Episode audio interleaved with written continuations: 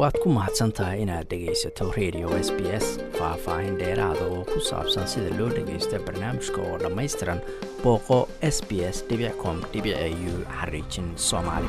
Sanad walba malaayiin qof ayaa lagu khasbaa inay guryahooda ka qaxaan iyagoo doonaya inay tagaan meel ammaana toddobaadka qaxootigu waa waqti sanad walba la sameeyo howlo shacabka lagu barayo ama lagu baraarujinayo dhibaatooyinka qaxootiga. Sidoo kalena la xuso qeybta weyn ee qaxootigu ay ka qaataan bulsho weynta dalkan australia. Halku-dhegga toddobaadka qaxootiga ee sanadkan labada kun iyo labaiyo labaatanka ayaa ah bogsasho ama hiiling waxaa la yidhaahdo toddobaadka qaxootiga australia waxaa la qabtaa laga bilaabo axad ilaa sabti toddobaadka ay ku jirto labaatanka bisha juun oo ah maalinta qaxootiga ee adduunka. Sanadkanna toddobaadku wuxuu ku soo aaday inta u dhaxaysa sagaal iyo tobanka bisha juun ilaa shan iyo labaatanka bisha juun. Xafladdii u horreysay ee toddobaadka qaxootiga waxaa sydney ku qabtay hay'adda oscar kun iyo sagaal boqol iyo siddeetan iyo lixdii kun golaha qaxootiga australia ayaa noqotay la qabanqaabiyaha toddobaadka qaxootiga. Kadibna waxayba noqotay dhacdo sanadla ah. Golaha qaxootiga australiana wuxuu qaatay mas'uuliyadda isuduuga qaran ee toddobaadka qaxootiga wixii ka dambeeyey labadii kun iyo afartii. Adama kamara waa ku-xigeenada madaxa golaha qaxootiga ee australia oo r c o a loo soo gaabiyo. Waxayna sheegtay in mid ka mida ujeedooyinka toddobaadka qaxootigu ay tahay in loo dabaaldego waxyaalaha fiican ee qaxootiga ay ku soo biiriyeen bulsho weynta australia. Um, it's really an opportunity to, to provide positive images of refugee communities across Australia, the contributions. runtii waa fursad sawir fiican looga bixinayo bulsho weynta qaxootiga ah ee australia oo dhan degan iyo doorka fiican ee ay bulshada ku soo biiriyeen iyo in bulshada guud ay qaxootiga u abuurto ammaan ujeeddada guudna waa in isfaham fiican uu dhex maro bulshada qaxootiga iyo kuwa kale ee bulshada guud ee australia ayna isa soo dhoweeyaan. Sanad walba toddobaadka qaxootiga mowduuc ama halkudheg gaara ayuu leeyahay waana in lagu wacyigeliyo arrimaha saameeya qaxootiga australia iyo adduunka oo dhan si bulshada guud looga caawiyo waxa qaxootinimadu ay tahay. Miss kamara ayaa sharaxaysa halkudhegga ama mowduuca sanadkan labada kun iyo labaiyo labaatanka This year, the theme is healing. And it's really in reflection, you know, the past 12 months has been sanadkan halkudhegu waa bogdhay ama bogasho waxayna ka turjumaysaa laba iyo tobankii bilood ee u dambeeyey oo ahaa kuwo dhibaato badan caalamka oo dhanna soo maray covid-kii ayaana tusay muhiimadda ay leedahay in bini-aadanku ay isku xirmaan muhiimadda xiriirka bini-aadanku uu leeyahay fal naxariis leh oo sahlan uu wax weyn ka qaban karo dhibaatada qofku uu qabo. Oliver slewa waa qareen sydney fadhigiisu yahay wuxuuna ka mid yahay wakiilada ama ambaashadoorada toddobaadka qaxootiga ee sanadkan. Wuxuu ku koray qoys asiriyaana oo dalka ciraaq u dhashay wuxuuna soo maray jordan turki iyo griiga ka hor inta uusan qaxootinimo ka helin dalkan australia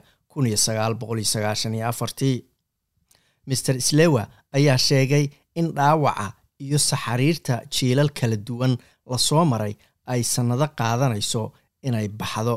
Laakiin bogdhay ay suuragal tahay marka qofka qaxootiga ah uu bilaabo safarkiisa dibudejinta. Wuxuu aaminsan yahay in furaha bogsashada qaxootigu ay tahay adkaysi ama waxa resiliensiga loo yaqaano the traumatic experiences that they faced fleeing to war-torn countries, being in refugee camps. dhaawaca soo gaaray markay ka soo cararayeen dalalkoodii dagaaladu ay hareeyeen inta xeryaha qaxootiga ay ku soo jireen intay doonyo ku socdeen dhowr maalmood iyo habeenno. Waxaan badda dhexdooda doon ku xayirnayn ayuu yidhi inta u dhaxaysay turki iyo griiga afartan maalmood. qofka ugu yar ayaan ahaa dadkii doonta saarnaa wax badan kama xasuusto laakiin dhacdooyin ayaan weli maskaxdayda ka bixin. Laakiin heerka bogsashada ayaa bilowda buu yidhi. Maalinta aad cagta soo dhigto australia mawduuca ama halkudhegga bogdhayga ama bogsashada ayaa sidoo kale ku dhiiragelinaya bulshaweynta australia iyo bulshooyinka qaxootiga in ay markaasi isfahmaan oo dhibaatooyinka soo maray isu sheegaan si ay wax u kala bartaan horeyna loogu socdo. Inaad dadka kale la hadashid waa tallaabada koowaad ee bogsashada ayuu yidhi mr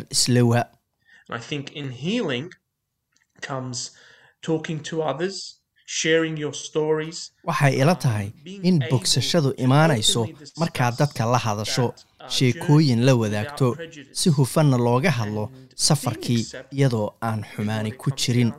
Muhiimaddu waa in bulshadu ku aqbasho in lagu aqbalo oo lagu qiro jiritaankaaga lagu ixtiraamo ayaa siday ila tahay caawinaysa nidaamka ama habka bogdhayga waxaa jira barnaamijyo iyo howlo kala duwan oo ay hay'adda r c o a qabato inta lagu jiro toddobaadka qaxootiga iyo marka la dhaafaba. Barnaamij loo bixiyey foolka fool ayaa ka mid ah kuwa ay qabtaan inta lagu jiro toddobaadka qaxootiga waana aqoon isweydaarsi iyo bandhigyo ay qabanayaan wakiilada ama ambaashadoorada ururkan r c o a. Dadka iyagu qaxootiga soo ahaa ayaa kula wadaaga wixii soo maray iyo safarkoodii ay meel ammaana ku doonayeen.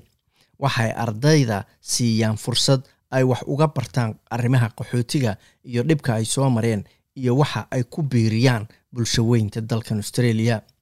Mr slewa ayaa sharaxaya muhiimadda barnaamijkan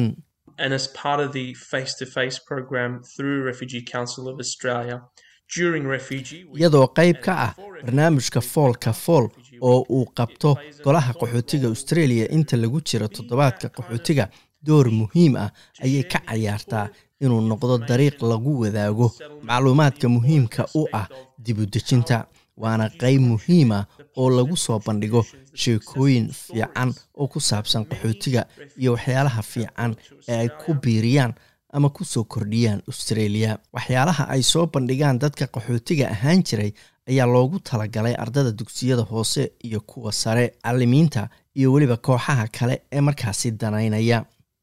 Ku-xigeenada madaxa r c o a adama kamara ayaa sheegtay in ujeeddada laga leeyahay howlahaasi ay yihiin in la beeniyo qaladaadka ama waxyaalaha qaladka ee laga aaminsan yahay qaxootiga It's really a chance. Um, the resource gives a chance for people to actually read, find accurate information, um, and then start asking questions anytime they hear something. bandhigyada iyo aqoon isweydaarsiyada waxay dadka siinayaan runtii fursad ay ku akhriyaan ama ku helaan macluumaad saxa kadibna ay su'aale ku weydiiyaan mar kasta oo ay wax maqlaan waxay yidhaahdaan oo taasi ma runbaa sidaas miyey ahayd waxaan doonayno waa inaannu abuurno maskax furnaantaas inta lagu jiro howlaha toddobaadka qaxootiga ayay tiri. Tobankii sano ee la soo dhaafayna dadka ku barakacay adduunka ayaa laban laabmay iyagoo hore u ahaa afartan iyo kow milyan oo qof haddase gaaray siddeetan iyo laba dhibic afar milyan oo qof.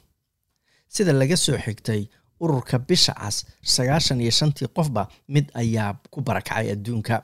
Tiradaas ayaa horey u ahayd boqol konton iyo sagaalkii qofba hal mid labadii kun iyo tobankii iyadoo barakacayaasha caalamku hadda ay ka badan yihiin korarka dadka caalamka oo dhan. Miss kamara ayaa sheegtay in r c o a ay ku dhiiragelinaysa dowladda australia inay kordhiso tirada qaxootiga ee ay ku soo qaadato barnaamijka bini-aadanimada. So currently, it's 13,750 people that can come through um, haddadaas la joogo waxaanu soo qaadanaa sanadkiiba saddex iyo toban kun iyo toddoba boqol iyo konton qof oo ku yimaada barnaamijka bini-aadanimada sanad walba.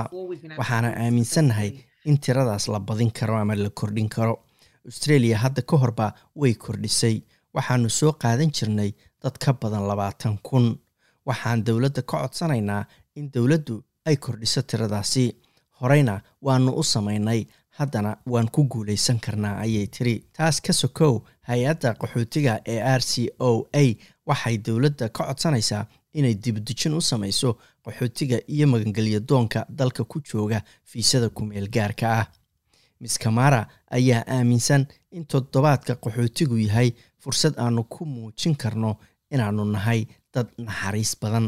Wakiilka r c o a oliver slewa ayaa isna sheegay inuu ilaa maanta ku faraxsan yahay inuu isku tilmaamo ama isku sheegi karo qaxooti wuxuu weligiis rabay inuu doorto xirfad shaqo oo bulshada wax uu dib ugu celin karo ama uu ku caawin kara qaxootigu inay degaan dalkan australia